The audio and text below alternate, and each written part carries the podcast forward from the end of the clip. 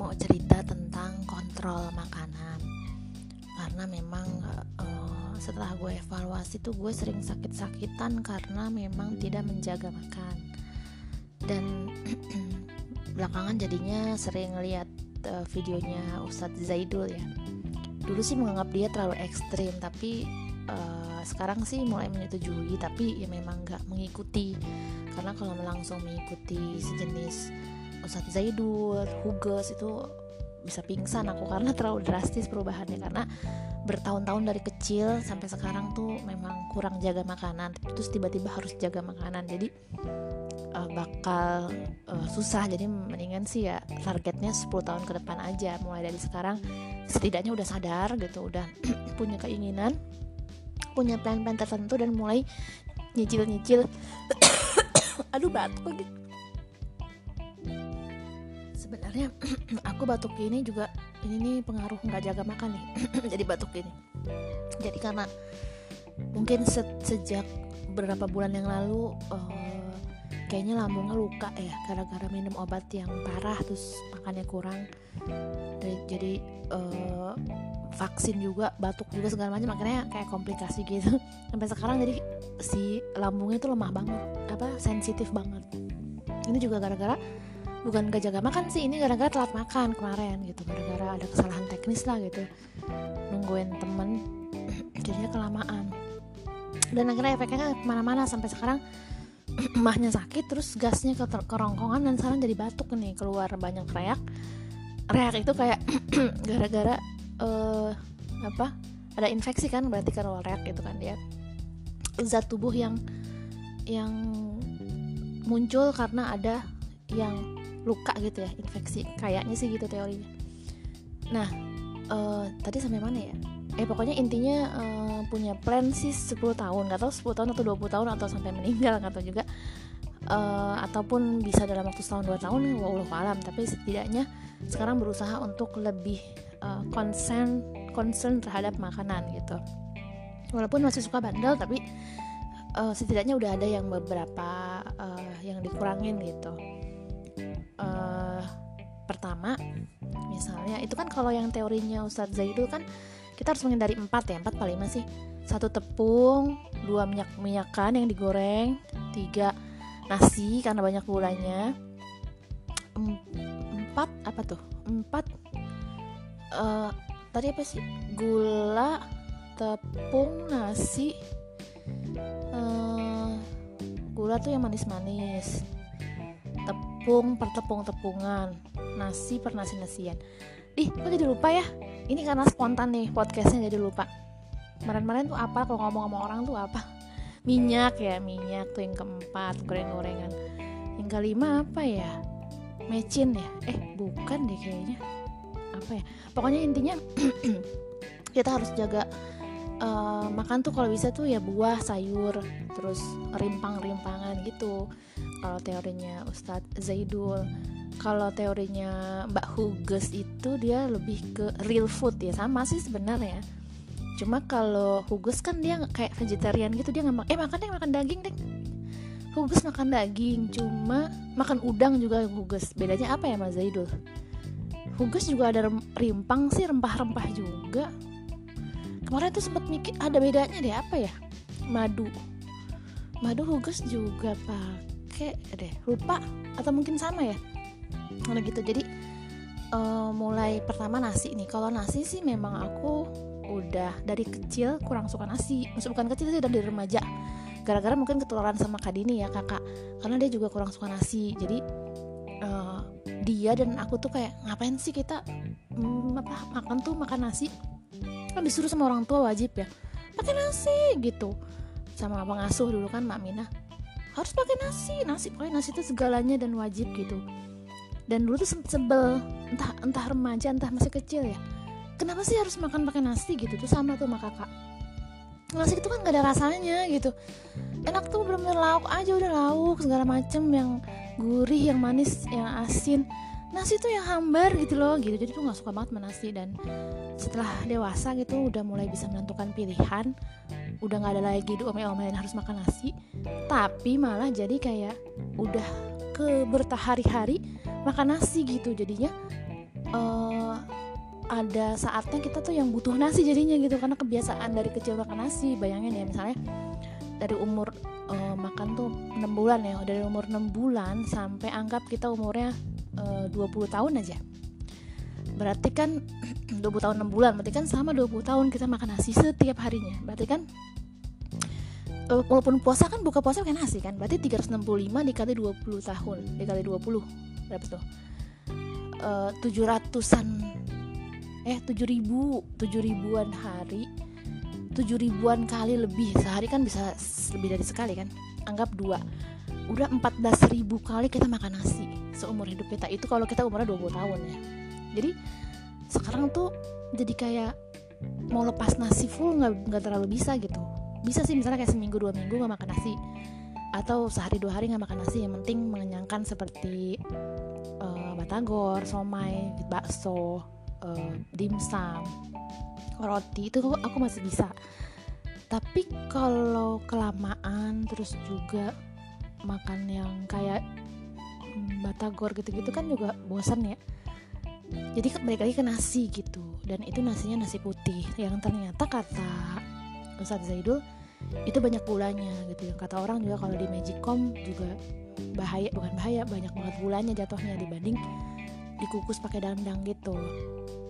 Apalagi nasi yang udah diangetin terus gitu dan nasi putih itu hmm, sumber gula yang kita tiap hari makan ternyata gitu. Jadinya oh, oke okay. jadi kayak yang aduh gimana ya orang dari kecil ya? Jadi sekarang udah mulai ngurangin dan untuk nasi sih nggak berat karena emang dari dulu kan nggak suka gitu walaupun tetap kadang kalau sekarang makan nasi merah itu nasi merah tuh kayak antak gitu kan jadi kurang. Baru ngeh ternyata nasi itu manis ya karena pas nyobain nasi merah kayak perak gitu kurang enak. Dan tapi tetap sekarang sih lagi mengusahakan untuk membiasakan gitu yang kedua setelah nasi itu tepung. Nah itu tepung tuh yang paling berat karena dari kecil juga sama selalu dikasih tepung. Kayak misalnya cemilan-cemilan emprengan gorengan pisang goreng pakai tepung gitu. Terus makan makanan semua kue kue lebaran dari kecil udah pakai tepung gitu. Jadi tepung tuh udah bener-bener lebih dari nasi bahkan gitu kan. Batagor apa somai semua kan tepung bakso juga ada tepungnya gitu bahkan lebih dari nasi. Jadi misalnya aku pun gak makan nasi seharian aku ganti jadi dari jadi makan roti makan uh, somai itu kan jatuhnya sama aja makan tepung juga. Emang mengenyangkan sih tapi ternyata kan jatuhnya jadi nggak real food juga karena tepung itu. Terus kalau kata Ustadz Zaidul tuh tepung tuh memang karena udah ada proses gitu bukan real food kan kalau katanya. Hugus jadi ya sebenarnya tepung tuh lumayan juga membuat badan tidak sehat gitu. Tapi susah banget susah banget. Tapi ya mulai nguranginnya gimana ya? Mulai nguranginnya hmm, dengan cara belum sih sampai sekarang belum berhasil. Kalau nasi udah bisa kalau tepung tuh belum berhasil. Cuma paling kayak ngurangin apa ya? Pizza makan pizza dikurangin martabak dikurangin. Nggak ada yang dikurangin lah. Pisang goreng dikurangin. Nggak juga. Jadi tepung tuh yang memang paling susah belum bisa ngurangin. Paling sekarang sih ya lebih ke misalnya kalau ngemil hmm, ya udah makannya atau pagi nih pagi misalnya harusnya makan pisang goreng pakai tepung. Atau pagi misalnya makan apa ya yang pakai tepung lah pokoknya. Nah itu kadang udah mulai mau ngebiasain pagi kayak sarapannya cuma pakai alpukat aja gitu. Itu pun alpukat tanpa gula ya tanpa susu. Karena biasanya sebelum sebelumnya kan pakai susu. Sama aja jatuhnya kan nggak real food gitu jadi kalau susunya susu yang diperas dari tetek sapi.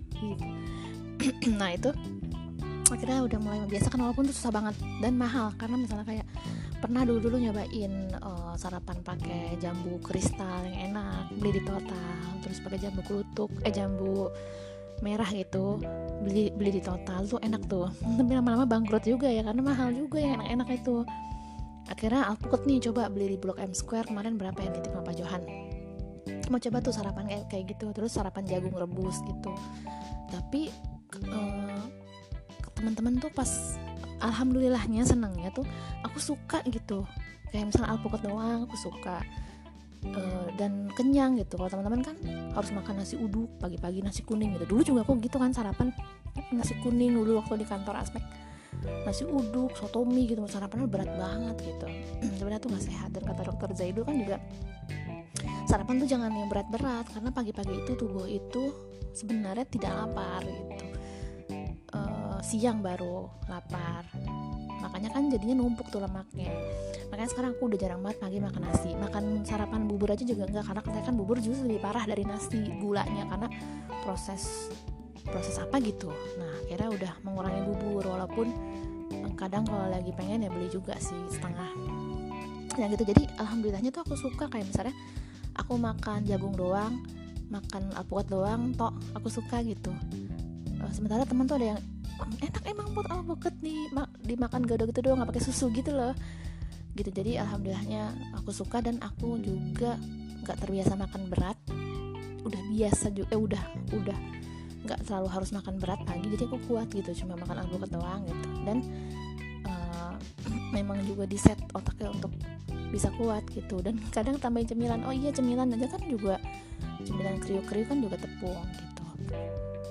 Terus yang ketiga gula. Nih gula juga susah tapi tidak sesusah tepung gitu. Jadi sekarang udah mulai ngurangin gula seperti misalnya teh manis udah nggak pakai gula tapi pakai uh, madu. Nah lama-lama teh tawar lama-lama juga nggak ngeteh gitu karena ternyata teh nggak baik buat lambung gitu. Jadi uh, gegulaan sih untuk minuman kayak minuman lebih milih air putih atau oca panas gitu atau teh tawar panas gitu. Udah mulai bisa ngurangin gula. Kalau gula lebih gampang walaupun kayak cocok kelatan es krim segala macam itu kan gula juga. Tapi juga nggak sering. Kayak misalnya boba uh, dulu tuh kayak pengen tiap minggu gitu tiap hari. Tapi udah mulai disetting dua minggu. Terus lama-lama sekarang ya enggak itu sih. Maksudnya bisa sebulan gitu atau yang lagi pengen aja.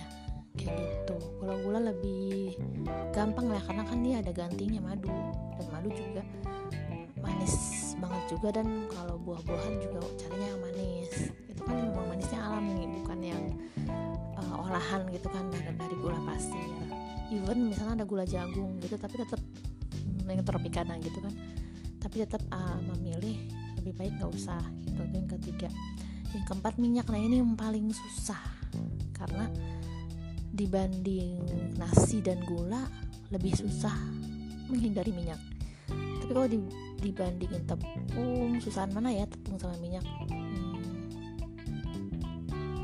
Susahan tepung sih karena kalau minyak kayak masih suka suka jagung rebus masih suka uh, puket masih suka hmm, buah-buahan gitu maksudnya masih suka yang masih ada alternatif yang rebus dan kukus kayak ubi madu gitu-gitu mas yang dibakar ayam bakar kayak gitu-gitu masih enak lah ada rasanya. Cuma kalau tepung itu tuh benar-benar yang kayak udah apalagi makanan kesukaan tuh kayak batagor sama bakso itu kan tepung cir tepung sagu tepung terigu gitu. Jadi emang yang paling susah itu tepung tapi itu mungkin tepung di ending ending aja nguranginnya nah yang keempat kan berarti minyak. Nah kalau minyak yang sebenarnya makanan banyak banget yang gurih-gurih yang digoreng. Itu susah banget juga sebenarnya. Cuma mulai nyicil-nyicil untuk ngurangin atau minimal nggak usah ngurangin tapi minimal menyukai mulai menyukai makanan yang eh mulai makan makanan yang rebus dan kukus gitu. Dari situ aja.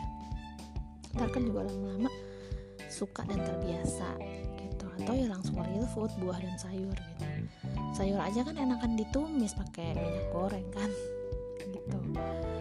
itu sih empat karena uh, kata Ustadz Zaido juga kan Adam dan Hawa turun bukan karena mereka berzina atau membunuh atau apa apa mereka gara-gara makan ap, makan apa sih buah itu.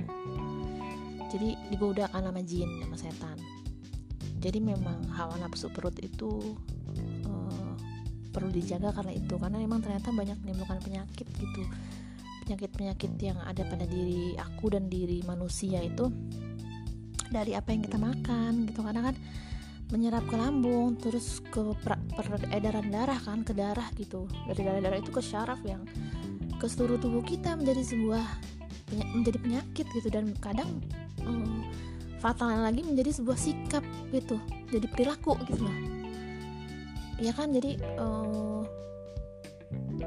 ada ada yang bilang misalnya kalau lagi uh, apa makan sate kambing kalau ini supaya ini makan ini gitu. Jadi selain buat nutrisi ataupun mempengaruhi fisik juga mempengaruhi psikis dan perilaku. Bahkan ada yang seperti itu apa yang kita makan. Makanya kan ada makanan haram dan halal kan? Kenapa makanan ada yang diharamkan? Karena selain buat kesehatan juga kadang ada yang bilang hmm, kalau kita makan makanan yang haram membuat kita tertutup hidayah gitu. Karena kan darahnya tuh kotor gitu. Terus perilakunya juga jadi kasar kayak babi kayak anjing kayak gitu. Nggak tahu juga sih kayak gitu dan menumpuk lah tuh penyakit dalam tubuh. Makanya ada yang diharamkan. Yang nggak diharamkan aja yang empat kategori itu aja. Kan nggak haram itu tapi itu sebenarnya juga membuat penyakit. Apalagi yang diharamkan udahnya bikin penyakit nambah dosa kan gitu. Makanya vitamin jangan sampai deh makan babi makan anjing makan darah terus makan hewan-hewan yang bertaring jangan sampai gitu. Minum alkohol juga narkoba kayak gitu. Terus apalagi ya intinya gitu sih. Intinya kita uh, mau coba menjaga makanan. Terus aduh batuk. Tunggu batuk dulu. Terus lagi aku tuh juga mungkin faktor U juga. Jadi kayak sekarang tuh udah eh, nggak uh, terlalu yang lagi pengen ini harus makan gitu. Lagi gandrung ini makan itu terus gitu terus kalau nggak kebagian makanan uh pokoknya dengan makanan tuh kayak rakus serakah udah nggak gitu sih. Kalau ada uangnya ya uh, kalau lagi sempet ya makan beli. Kalau ternyata kehabisan ya udah nggak apa-apa. Tapi kalau emang lagi pengen turun di jalan beli ya nggak apa-apa gitu sih. Jadi sebisanya aja gitu sama makanan itu. Dan mulai sering puasa gitu jadi ya nggak terlalu banyak makan. Uh, dan juga buat menurunkan berat badan. Jadi makanya harus dijaga makanan selain buat kesehatan buat nurunin berat badan terus kayak udah bisa ngontrol mau minum boba nih oh iya ya udah udah ngurangin ngurangin deh gitu. Dulu tuh seneng banget minuman yang bermanis-manis ya manis-manis itu udah aku kurangin. Udah banyak minum air putih gitu walaupun emang aku uh, air putih dari dulu emang seneng sih minum. Jadi hmm, kalau orang kan ada yang sakit karena kurang minum. Kalau aku sih emang dari dulu suka minum jadi minum air putih juga minum manis-manis juga gitu.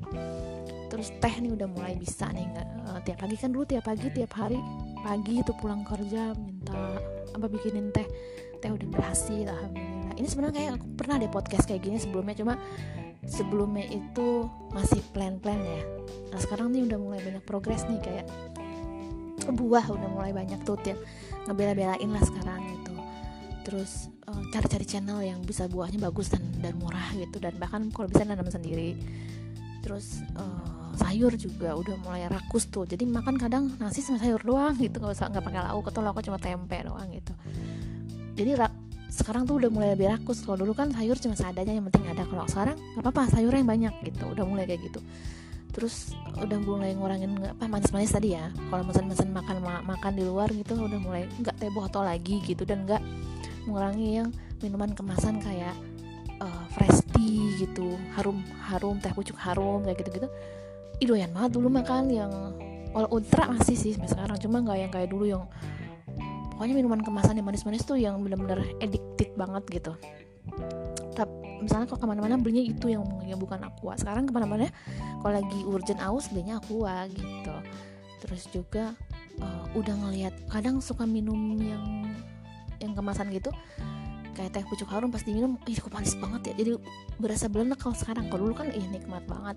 Apalagi dingin gitu kan. Sekarang udah mulai aduh kemanisan nih? Kayak berasa udah kurang nyaman. Kan bagus berarti. Terus kalau makanan ber kalau pedes tuh aku udah bisa ngurangin. Walaupun misalnya makan itu tetap ada pedas sedikit gitu.